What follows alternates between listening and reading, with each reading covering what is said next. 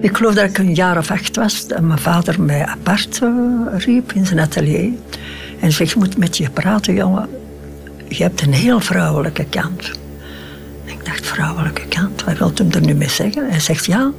En dat is iets, moet je tegen vechten. Ik wil dat je er tegen vecht. En je niet laat gaan. Kijk naar je broers.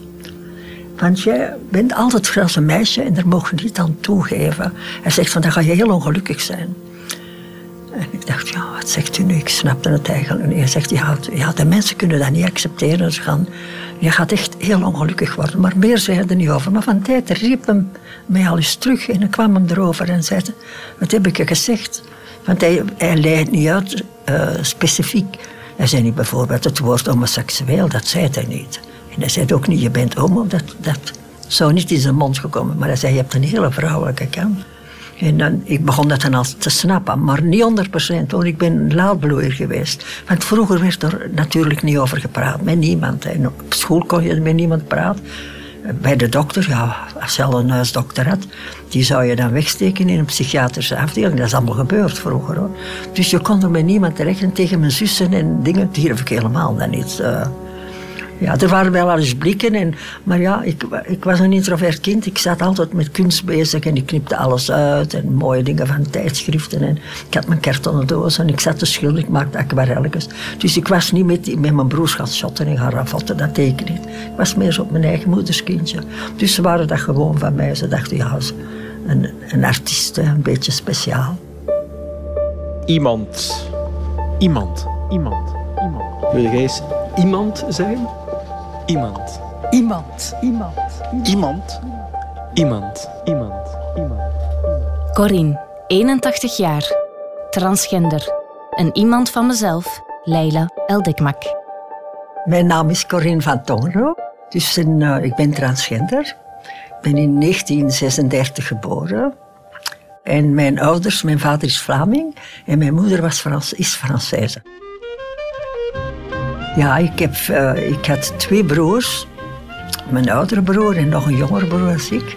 We waren met drie jongens en vier meisjes. En uh, ja, wij hadden een groot huishouden. In de, in de oorlog was dat wel wat moeilijker. Want natuurlijk met negen mensen aan tafel. Hè, en het waren moeilijke tijden.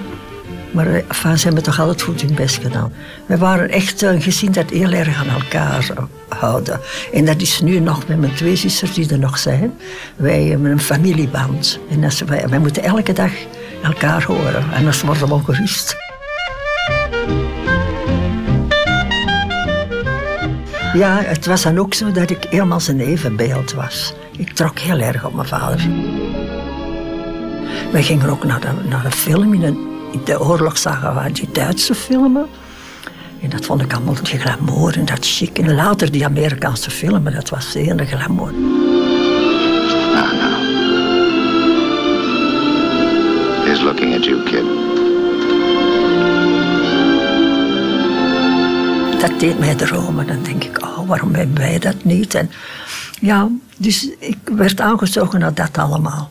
En, en dan, ja, er is een zeker moment gekomen dat ik dat dus snapte, hè, dat ik iets vrouwelijk in mij had. Hoe oud was je dan? Ja, dan was ik al tien jaar. Dan begon ik, ja, nog niet uh, dat je rijp bent voor dat te begrijpen, maar ik, ik, voelde dat, dat er iets was. En ik zag ook de verwarring soms met de mensen. Als ik nu naar met mijn moeder naar de winkel ging, dan zei ze... Uh, Oh, uw dochter is een mooi meisje. En dan keek ik naar mijn moeder en werd ik vuurrood. En zei ze, c'est pas une fille, c'est mon fils. Mijn moeder altijd alle Frans, alle Vlaams. Ah, oui, Louise. C'est un garçon, il est mignon. En ik hoorde dat en dat stoorde mij. Dus ik dacht, in mijn achterste dacht ik, ik ben ziek. Ik dacht dat. Ik heb heel lang met dat complex geloofd dat ik ziek was. Mijn moeder was ook een heel veer en die kleden ons mooi aan. Die, veel dingen die ze zelf maakte. Door het gebrek altijd aan die geld. Maar wij mochten gezien worden. Zij naaide dat met de hand. Heel mooi. Jurkjes voor mijn zusters en al. En ik natuurlijk met mijn zuster. Dat was uh, altijd dromen. Ik zag mijn zuster die, mooi maken. En ik ging alles in hun laden kijken in hun slaapkamer en zo. Ik zag die mooie schoenen. En ik dacht, oh, waarom ik nu eigenlijk niet? Ja, ik vond dat heel erg. Ik heb zelfs eh, met mijn schoolvriendinnen, want ik had heel veel vriendinnen, want die waren heel graag met mij. Omdat ik niet als jongen was, gelijk die andere jongens. Ik zei bijvoorbeeld, oh, wat heb jij een mooi kleedje aan en die schoentjes. En ik, ja, ze hadden aan mij een vriendin. En ze voelde zich goed. Ze voelde zich niet bedreigd. Gelijk de andere jongens die altijd... Ja, dat, uh, ik had heel veel vriendinnen. En uh, ik tekende ook jurken voor hen en zo. En een keer hebben wij zelf gezegd, jij bent echt een meisje, jij moet eens een jurkje van ons aandoen. Dan hebben we dat gedaan. En dan zijn we in een cafeetje gegaan en niemand zag het. Niemand zag het. Dat vonden die meisjes verrukkelijk. Maar voor mij was dat iets, oh, het was een wereld die openging. Je suis habillée comme une fille, personne ne voit.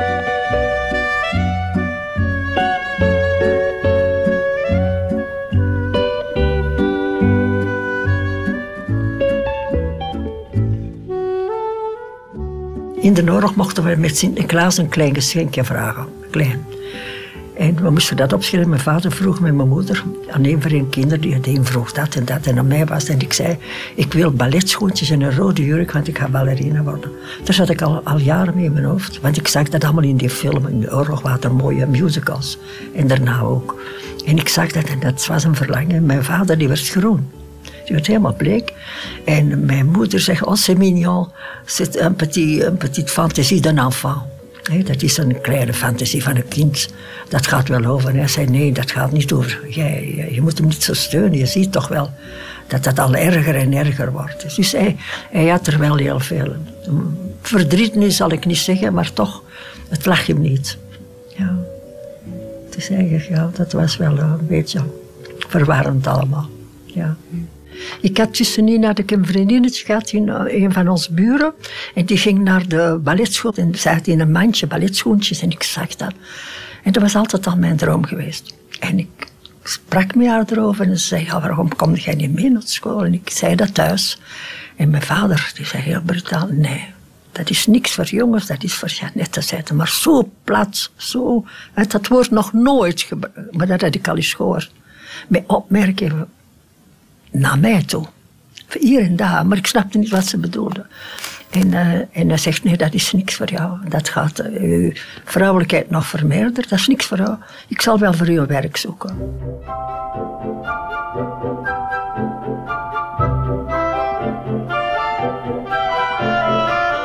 Ik ging schilderen, bij kerst en nieuwjaar ging ik de vitrine schilderen. Dat was de mode en ik kon dus goed schilderen. En ik ging dat doen om bij te verdienen. En uh, op een zeker moment kwam ik in, aan een café en die man zegt, ja, doe het maar op de vitrine en komt ze biedt mijn spiegels binnen ook maar doen. Dus ik ging er binnen en wat zie ik daar? Allemaal mannen. Dat was dus een, een, een gay café, hè, een homocafé. Maar ik had dat direct niet door. En ik zat schilderen en ik zie die blikken en ik zie twee mannen aan de bar en die kussen elkaar. En ik kreeg bijna een attack. Kan dat nu? Twee mannen die voor te zeggen dat ik heel groen was. Ik snapte er allemaal niks van. Thuis was dat taboe, er werd niet over gepraat. En die, uh, die baas, dat heette Raymond, wij noemden Raymond daarna. En dat café, dat heette Simon. Dat was dus een gaybar. En die baas zegt, ja, je moet op een zaterdag maar eens hier een pietje komen drinken, of een koffie of een limonade. Dan zal ik je eens wel laten zien, dan zal ik je vertellen. Want ik, ja, ik voel wel, zegt hij, dat jij hier heel gelukkig gaat worden. En ik dacht, oh ja, ik ga dat dan wel eens doen. Hè. Ik ga er eens binnen. Ik voelde mij ongemakkelijk. Het zweet brak mij uit. Ik, ik, ik, had het nog nooit gezien. Ik had nog nooit in een homobaar geweest. Ik was toen uh, 17, 17 jaar. En uh, hij zei, uh, hier ben je thuisgekomen. Hier ga jij gelukkig zijn. Wij zijn allemaal zoals jij bent, maar jij weet het nog niet. En uh, kom maar eens naar hier, je zult trap vrienden maken.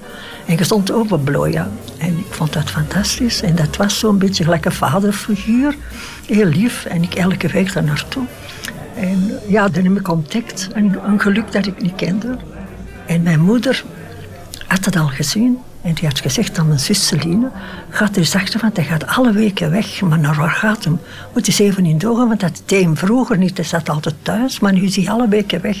En ze volgt mij. En zij ziet mij dus daar binnen gaan. En ze gaat ernaar kijken, dat was zo'n inkomhalletje, dat kon je zien, maar van binnen kon niemand zien aan dat inkomhalletje. En zij ziet mij dus met jonge dansen. Dus ik was er al goed in geburgd. Ik ging er alle week naartoe. En ik ontdekte allemaal fantastische dingen. Ik werd ook verliefd voor de eerste keer in mijn leven. Op een man kun je denken, catastrofe voor, voor in mijn hoofd. Maar voor eh, mijn, eigenlijk was ik gelukkig. En zij ziet dat. En zij wacht en zij wacht en zei, ja, als ik buiten kom, staat ze er nog. Met rode ogen van het wenen, Celine. En ze zegt, je hebt met een man gedanst en, en gekust. Ze zegt, weet jij wel wat dat betekent? Ik zeg ja. En ik zei, ik ben homo. Ik wist het zelf niet, maar ik denk dat ik homo ben, want hier voel ik me gelukkig. En, uh, en ja, zij zegt, uh, je moet er met niemand over praten. Zij herhaalde wat mijn vader zei. Nooit thuis, geen woord aan niemand, niet, niet aan de broers, niet aan niemand. Want dat gaat vreselijk worden. Dat is, is gelijk een ziekte, zei ze. Ja. Maar Cornelis kan niet meer terug. Bij Chemon heeft hij vrienden voor het leven leren kennen, zoals François. En samen met François schrijft hij zich dan ook eindelijk in bij de balletschool. Samen beginnen ze te dansen en ja, ze blijken goed te zijn, waardoor de professionele aanbiedingen snel volgen. Wij kregen een contract voor te werken in Oud-België. Dat was in Antwerpen, dat was iets met allemaal revues en operetten. Er was een huisballet en wij zijn er met twee gaan werken. Gelijk slaven, want er kwamen zoveel sketchen. En ieder sketch was er een klein ballet. Dat was de ene revue na de andere. En ja, wij begonnen dan goed te dansen.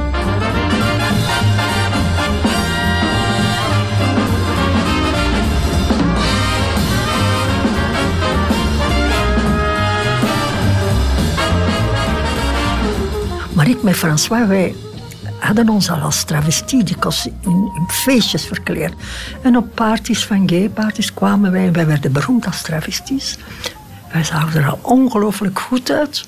Ja, wij waren zo een beetje gekend. Die twee dansers die zien er ook wel heel goed uit als vrouw. Op een zeker moment uh, zien wij affiches in Brussel.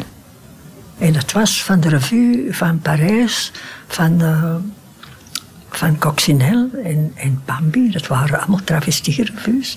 Maar over die Coccinelle, dat was dus een, een halve transgender die al borsten had en, en, die als vrouw leefde. En dat was iets, gelijk er deuren open gingen voor het publiek. Et maintenant, voici la découverte la plus étonnante de notre époque. La consécration de Coccinelle.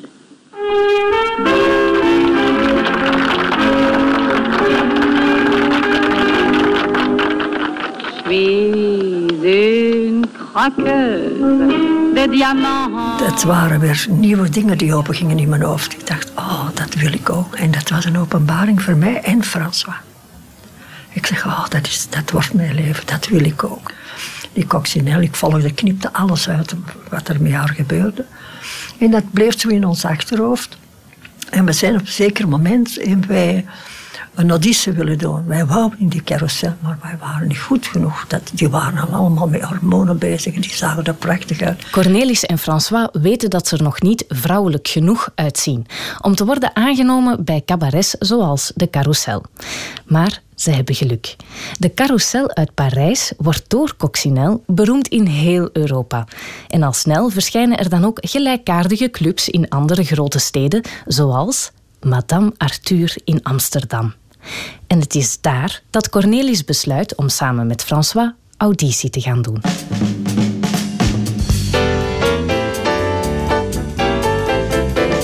Wij hadden een corset laten maken.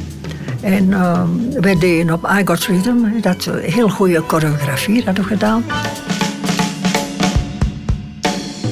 En die vond dat ongelooflijk die heeft gezegd, ja, jullie komen bij ons direct. Jullie zijn dansers, jullie zien er fantastisch uit als vrouw. Maar je moet wel weten, jullie mogen niet gelijk in de carousel als vrouw blijven. Want dat, de, de zedenpolitie zal er een, een, stokje tussen steken, die zullen dat niet willen. Dus moeten we heel voorzichtig zijn. Jullie blijven jongens. En dat was een succes. De, de eerste avond met de première was al de pers daar. En in de in, op het voorpagina van het Parool komt een foto van François een benen in pose, prachtige benen. Ehm, en er staat in, de twee Belgische ex-dansers geven de meeste pep. Zij zijn het minst als man herkenbaar. Zij geven het vrouwelijke bij BTK met een heel goed artikel over ons. Wij zongen en wij dansten, wij deden alles. Dat was fantastisch. Dat was ons leven wat in petto lag. Dat wisten we alle twee. François wist dat en ik wist dat. Maar de liefde kwam dat allemaal verstoren. We werden alle twee verliefd op een man. En op een zeker moment... Wij denken dat iemand dat verruild dat, dat ik met een, met een jongen samenwoonde. En dat mocht niet? Dat mocht niet. En uh, hij was wel bekend, hij had wel al wat op zijn kerkstof. Op een zeker moment zijn we thuis, ik woonde bij hem. En uh, we liggen natuurlijk poedernaakt in bed. En om vijf uur kloppen ze aan, aan de deur. En hij zegt, voor te lachen, dat is de politie, is vijf uur, die komen altijd kloppen om vijf uur. Ik zeg, wat, kleed je vlug aan, doet het aan. En hij gaat helemaal poedernaakt. En ik met mijn laken tot hier, gelijk in een film. Die deur gaat open, dat zijn twee of drie, ik weet niet meer juist zoveel, politiemannen, maar in burger. En die laten papier zien en die, die zeggen, nou, jullie zijn uh, naakt met tweeën, jullie zijn homo's. En die rotzooien mochten wij niet hebben. Wij hebben al genoeg rotzooi in eigen land. En en ik werd over de grens gezet. Echt? Ja. Die arme François er dan bij. En dat was een klein schandaal. En wij zijn eh, met de politiebegeleiding, een dag of twee dagen daarna, zijn wij op de trein gezet. En wij hebben geweend van Amsterdam tot in wij terug. Ja, kun je denken, hè. Naar Antwerpen. Terug naar Antwerpen. Maar Cornelis en François zijn geen gewone dansers meer. Ze wilden verder in het travestiecircuit. Cornelis begint tijdelijk terug te werken bij Chez achter de bar. En François die kan beginnen bij een Amerikaans gezelschap. Dat was een fantastische travestiegroep. Dat heette Les Famille Mix. Maar na enkele maanden toeren door heel Europa wil François toch liever terug naar huis. En hij belt Cornelis met de vraag of hij hem daar wil vervangen en zijn plek innemen. Ik leerde op een week, geloof ik, heel die, die show in de namiddag.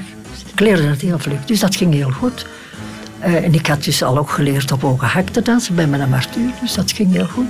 We hebben heel Italië gedaan. Er waren heel veel nachtclubs die tijd. Hè. De, ja, de tv was niet zo gelijk nu is. Alles, de mensen gingen uit. Gelijk ze naar het theater gingen, kleerden de mensen zich mooi. En tijdens de avondkleden aan. Die cabaretten, dat waren niet alleen mannen, er waren ook vrouwen die kwamen, koppels. Dat was heel elegant, met orkestjes, huisorkesten. Dat is helemaal wat anders, dat bestaat niet meer hoor. Dat is al jaren weg.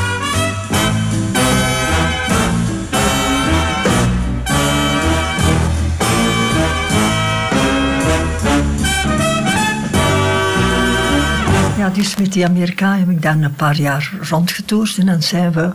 Dan hadden we contract voor een heel jaar in een travestie-cabaret. en uh, dat heette de Chenou in Berlijn. Meine Damen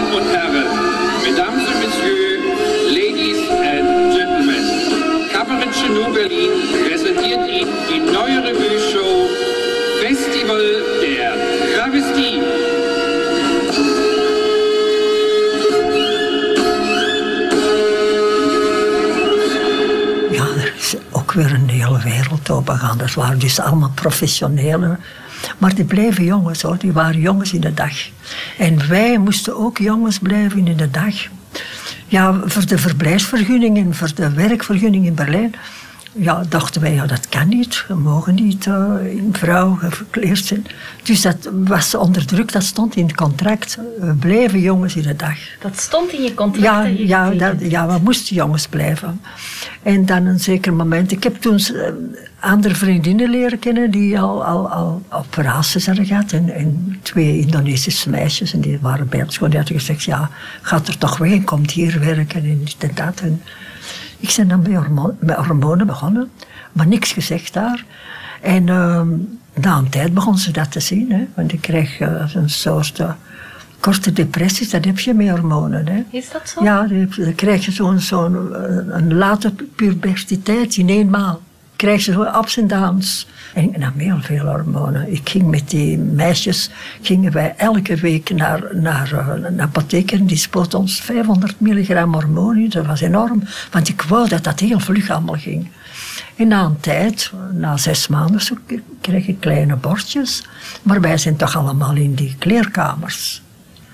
En die zien dat en die zeggen, ja, dat kan niet. Uh, wij weten wel dat jij uh, bezeten bent van coccinelle en Bambi, maar hier kan dat niet. Je weet, wij doen tournees en binnenkort zijn wij weer terug weg.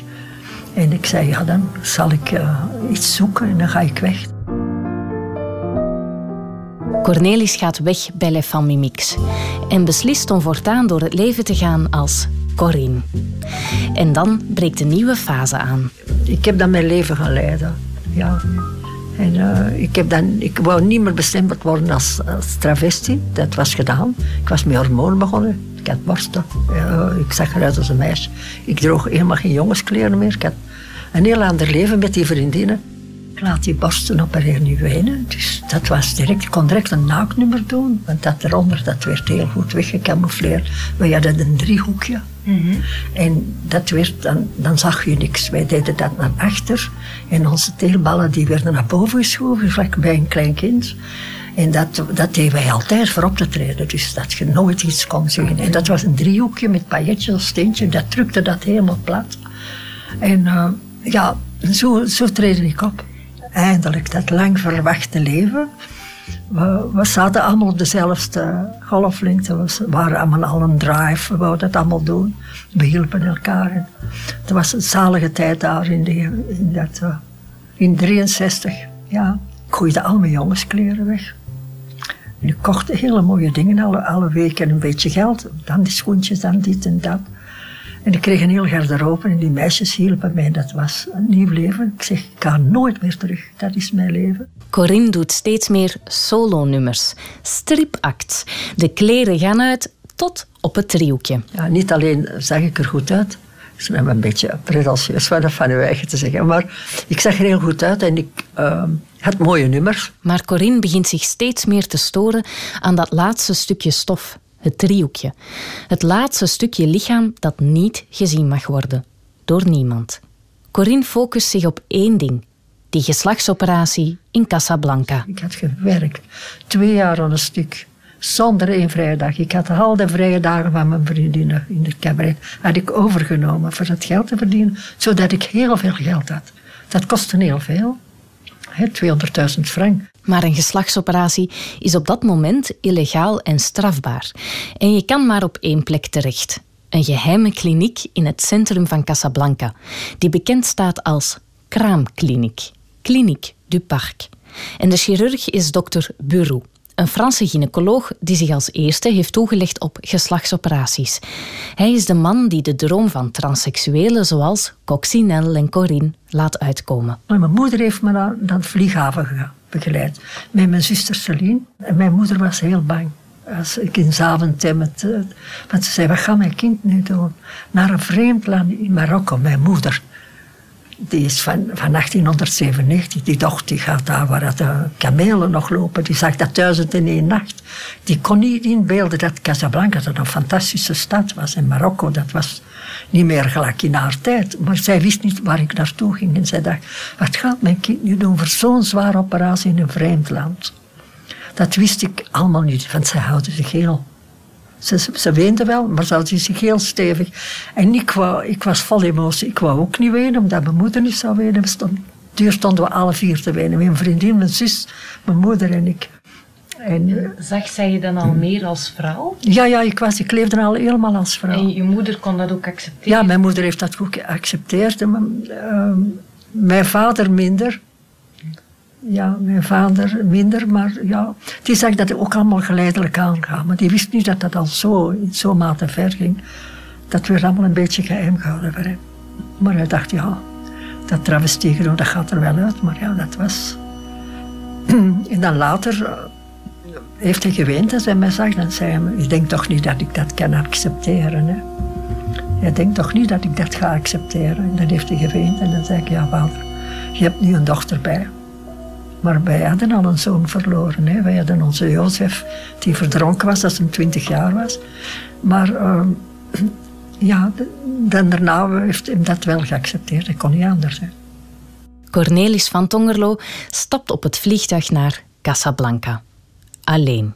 Om voor eeuwig terug te keren als Corinne van Tongerlo. In een mini-jurkje, met een kort pruikje op, met, uh, ik geloof 200.000 Belgische frank in allemaal kleine rolletjes.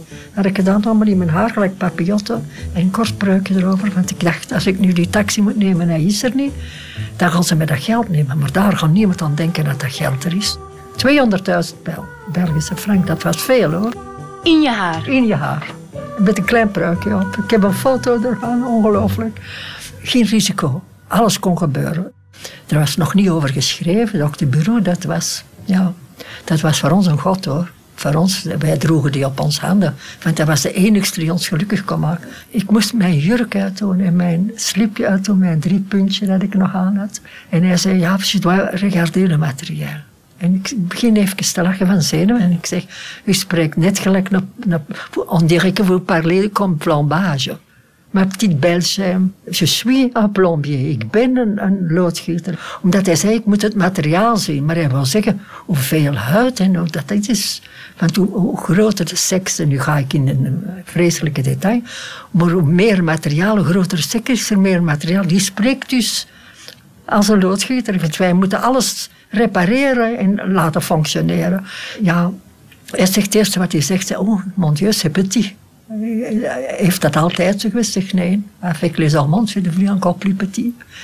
J'ai dit, et je ne suis pas avec quelqu'un, j'ai pas de sexe avec personne. Je dis, ça a sûrement été quelque chose. En hij zegt, ja, on va faire avec ça qu'on a. Hij zegt, we gaan doen met hetgeen dat we hebben. En ik dacht weer, denk, die spreekt bezeer, die gaat een lappenpop aan zetten. Maar ik ben zo gestresseerd en zo gegeneerd voor hem. Dus hij ziet dat ik gegeneerd ben en hij zegt, ja, maar je vais vous trafiquer, hein. je vais vous créer, faut pas être gêné pour moi. J'en ai vu d'autres, hem. Die wil zeggen, ik zie er alle dagen, want alle dagen werden er operaties gedaan. Duizenden op, op, op jaren. Die man die heeft alle transgenders van heel de wereld heeft hij daar eerst, want er was niks anders. Dus uh, ja, ja, Sanders komt die anesthesiste, die komt mij klaarmaken en alles in orde. En die rijden mij dus, wat ik vertel, naar de operatiekamer. En ik zie daar de dokter met, met zijn bovenblote lijf en een schort gelijk bij de bienover ziet. Hij opereerde met een plastieke schort, zo'n zo'n ja, plastieke schort ik dacht dat hij er ging zijn met een masker voor zijn neus en dingen aan. Gelijk wij dat zien van de operaties bij ons. Die had een gouden ketting aan. Maar die dokter was een beetje een playboy hoor. Die was een hele mooie dokter, heel speciaal. Die ging tijdens de vrije uur ging die golven met de koning van Marokko. Dat was een heel speciaal type. Heel beroemd ook. En uh, ik dacht, hoe staat hij er nu? Dat choqueerde mij dat hij met een bloot bovenlichaam in mijn schort erover. Ik dacht, ça c'est pour le sang. Dat is voor vele bloed. Ik word gezet met een kussen eronder. Die anesthesiste komt en die praat nog met mij. Slaap maar lekker, zegt ze. En quand vous vous réveillez, vous serez une petite femme pour de bon. Als u slaapt goed, als u wakker wordt, bent u een meisje voor altijd.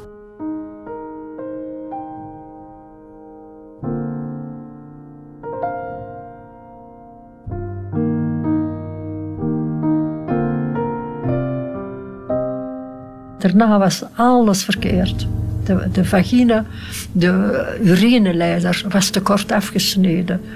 Dat werd dus binnen in de vagina ingebracht, zodat je kon plassen natuurlijk. Dat was als, als een soort clitoris, maar nog niet in zo'n detail gelijk het nu is. Nu is dat allemaal perfect, maar daar niet. Dus volgens mij heeft hij dat tekort geknipt. En met de genezing is dat beginnen scheef gaan, volgens mij, want hij kon heel moeilijk plassen. En die dokter kwam twee keren en dat ging niet. En je kreeg daar geen pijnstillers hoor, niks. Dus dat was alle dagen van s'morgens tot als je kon slapen. Mijn slaappilletje had dat pijn. En dan nog werd je s'nachts wakker. Dat was wel heel erg. En doordat het bij mij allemaal klein was, was het helemaal een handicap. Dus ja, ik heb er langer gebleven dan de anderen. Ik geloof veertien dagen langer. Ik heb er heel lang, ik heb er drie weken gebleven. De andere na een week had die spiekelonderhoud, mocht hij in ander huis. En dan moest hij dat zelf verzorgen of mijn gynaecoloog. Bij mij, ja, hij zag wel dat er iets was. Ik kon niet plassen.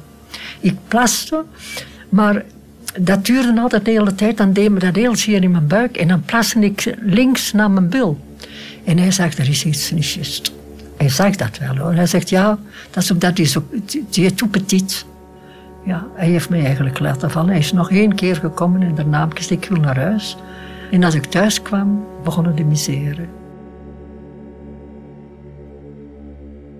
Ik kwam in, in, in, uh, in Brussel in die hospitaals in Saint-Pierre. Die kenden dat niet. Ik leidde dat tegen die gynaecoloog uit. Ja, ik was vroeger een jongen, die zag dat. Die zei, quoi, vous êtes un garçon, j'ai jamais vu ça. Ik heb nog nooit zoiets mooi gezien, zei hij. Hoe kan dat nu? Ze komen een jeune enfant. En ik zei, ja, maar ja, een handicap. En ik leg haar dat uit. En ze zegt, ja, ik weet niet wat ik moet doen. Ik heb dat nog nooit meegemaakt. Dus die wisten niet wat ze moet doen. Tussenin, met al mijn misère, gaat al mijn geld maar weg. Eigenlijk wat ik gespaard had, dat gaat maar weg. Want ik kan niet gaan werken. Ik kan niet in een cabaret gaan werken. En daar uh, met pijn zitten en koude champagne drinken, dan blokkeerde dat direct. Dus dat kon niet. Maar dan leert Corinne Dolf kennen. De aalmoezenier van de mensen van het nachtleven. Dolf geeft Corinne de sleutel tot verlossing. Want hij stelt haar voor aan een andere transseksueel die hetzelfde probleem heeft gehad. En deze vrouw verwijst Corinne door naar een gynaecoloog in Hamburg, in Duitsland. Die dokter staat namelijk bekend bij de transseksuelen in Europa omdat hij al wat verkeerd gaat in Casablanca repareert. Ook weer illegaal. Want de dokter is zijn vergunning kwijtgeraakt na de oorlog. Corinne verzamelt opnieuw het nodige geld en moed voor de operatie en trekt naar Duitsland. Ze verblijft er twee weken. Eerst in een illegaal ziekenhuis en daarna in een geheim homohotel. En dan lag ik in de kamer die, die, die, van dat homohotel. Heel eenzaam. Met niemand niet. Dan moest ik... Uh, dan heb ik dat allemaal... heb ik een heel zware uh, down gekregen. Ik ben heel depressief geworden. Ja, ik kon ook niet bellen naar huis. Want er was geen telefoon. Van het ogenblik dat ik kon gaan want er was dan ook een sonde in. Als die sonde weg was, dan kon ik telefoneren naar huis. Dan kon ik mijn moeder uh, kalmeren, want die wist niet wat er allemaal ging gebeuren. Voor haar was dat heel erg. Zij heeft veel geweend, ze heeft heel ongelukkig geweest en heel bang gehad. Zij liet me nooit alleen. Tussen Casablanca en, en Hamburg liet mijn moeder mij eens nooit alleen. Die was altijd bij mij. Want die had zeker tegen mijn zuster gezegd, je suis sûr qu'elle va se suicider, ne marche pas, raté. Die dachten dus dat dat heel... Ik dacht dat ook al, ik dacht dat dat mislukt was. Dus uh, de dokter had gezegd, zo rap mogelijk vrijen, zodat die vagina goed uh, soepel wordt. En als je niemand hebt, dan met die spicolon erin. Bij mij deed dat zo pijn, doordat die ureter niet was gelijk het moest. Dat was dus allemaal aan retard. Dat was allemaal uh, veel te laat in gang geschoten zoals het moest. Maar van, door langzaam is het dan toch goed gekomen. De eerste keer dat ik plaste, was dat nog niet gelijk het moet. Gelijk een baby. En de tweede keer ging het beter en de derde keer ging het nog beter en het ging fantastisch. Hij had me dus gered. Van daarna ben ik natuurlijk uh, alleen gaan werken in gewone nachtclubs met gewone vrouwen. En dat, uh, dat wou ik. En de impresario had mij gezegd, ik kan, jij kunt overal werken, niemand merkt dat. Je moet er nooit meer over praten. Ja, dan kon ik helemaal naakt zijn. Ik was vier hoor. Ik kon me helemaal tonen en ik werd geapplaudeerd om mijn vrouwelijkheid. Dat was een overwinning. Versta je? Ja, dat, voor was dat gewoon. Het waren allemaal vrouwen. Maar voor mij was het iedere keer als een geschenk. Telke maal dacht ik, oh wat heerlijk. Ik ben mijn eigen eindelijk na al die jaren.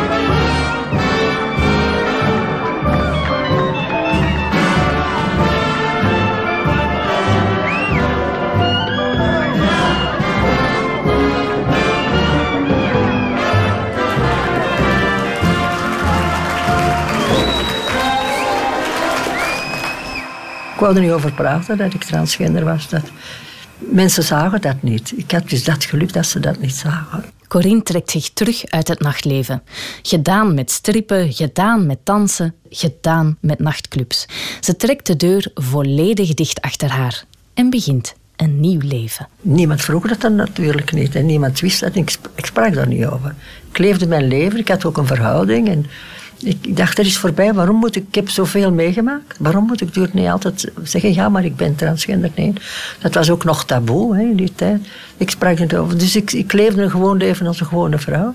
En dat was zo, zo erg ingeburgd bij mij... dat ik uh, op zeker moment niet vergat natuurlijk dat ik anders was.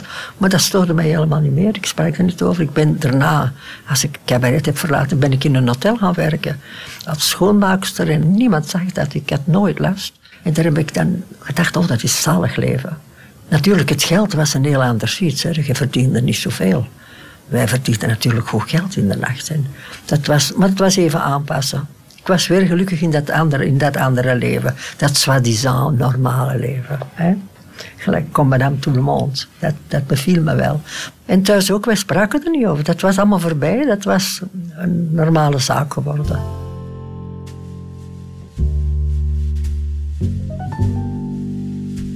Ik had wel relaties gehad tussenin en zo. Ik viel niet om homoseksuele mannen. Ik wou mannen, hetero mannen. Want ik voelde mijn eigen ook hetero. Ik zei het gewoon weg niet in het begin, als ik iemand leerde kennen. Uh, ik wachtte tot die goed verliefd waren. En dan zei ik het. Ofwel waren ze vol bewondering. Ja, dat ben jij vroeger een jongen geweest. Ofwel waren ze gechoqueerd en liepen ze weg. Ofwel waren ze soms wel helemaal ontroerd en weenden ze. En dan zei ze, ja, dat kan ik toch niet. Dat idee, dat dat altijd zal blijven tussen ons. Maar anderen dan weer, die dachten, ja, dat is allemaal voorbij. Zij ziet er zo goed uit. Ah, ik kan erbij naar mijn ouders, niemand merkt dat. Ja. Ze waren dan verliefd, dan was het te laat. Dat had ik wel. Ja. Ik had natuurlijk dat geluk dat ik er goed uitzag. Dat heeft mij geholpen natuurlijk. Hè. Dus je hebt mensen die natuurlijk minder geluk hebben. Hè. Die dan zo'n zware mannelijke stem hebben. Een, een Adamsappel. De, de fysiek niet bij hebben. Dat is natuurlijk droevig. Hè. Ja. Maar ik had dat godzijdank niet. Hè. Ik was dan ook niet heel groot, ik was een kleintje. Dat is ook nog eens typisch vrouwelijk. Dus ja, ik heb... Le bon Dieu a très bon pour moi. Ik zeg dat altijd. Dat lieve neer heeft goed voor mij geweest. Maar ja, ik had dat, die, die mannen...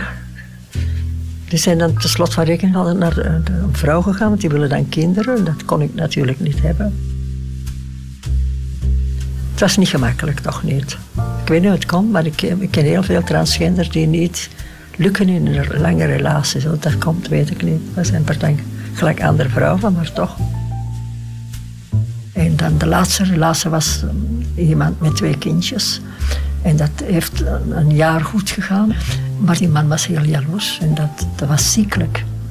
Van mijn verleden. Dat kwam altijd boven. En ik ben er dan van weggegaan, maar dat heeft mij heel veel pijn gedaan. Want ik, heb ik gezegd, ik, ik, moet, ik moet niet meer, meer een relatie beginnen. Dan was ik al uh, toch bijna 50. En dan heb ik gezegd, het moet niet meer voor mij. Ik ga mijn leven leven alleen.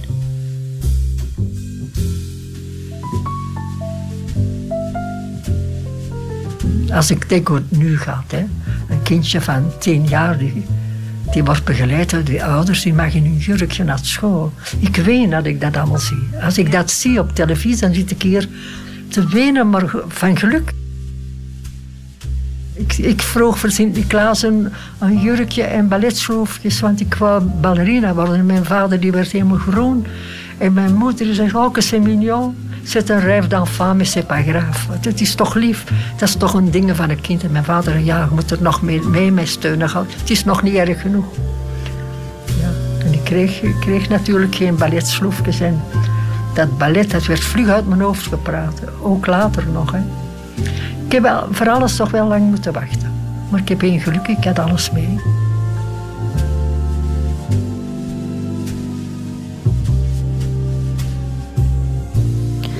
Dit was Iemand, een productie voor Radio 1 van Wart Bogaert, Filip Heijmans en mezelf, Leila Eldikmak. Wil je nog meer te weten komen over Corinne? Dan heb je geluk, want er is net een biografie over haar verschenen. Casablanca voorbij. Geschreven door Linda Asselbergs en Corinne van Tongerlo. Veel dank aan Ben Venesoen voor de hulp bij de montage en de muziek. Volgende week is er iemand anders.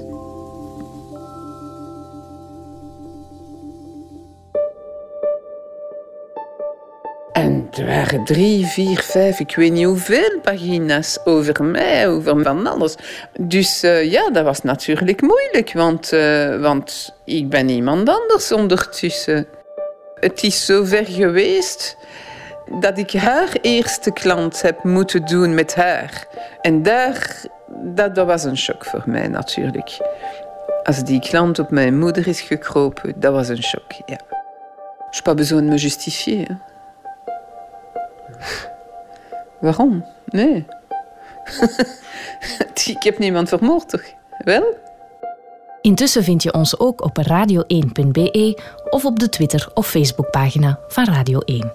Ken of ben je zelf iemand met een ongelooflijk verhaal? Laat het ons dan zeker weten op iemand.radio1.be.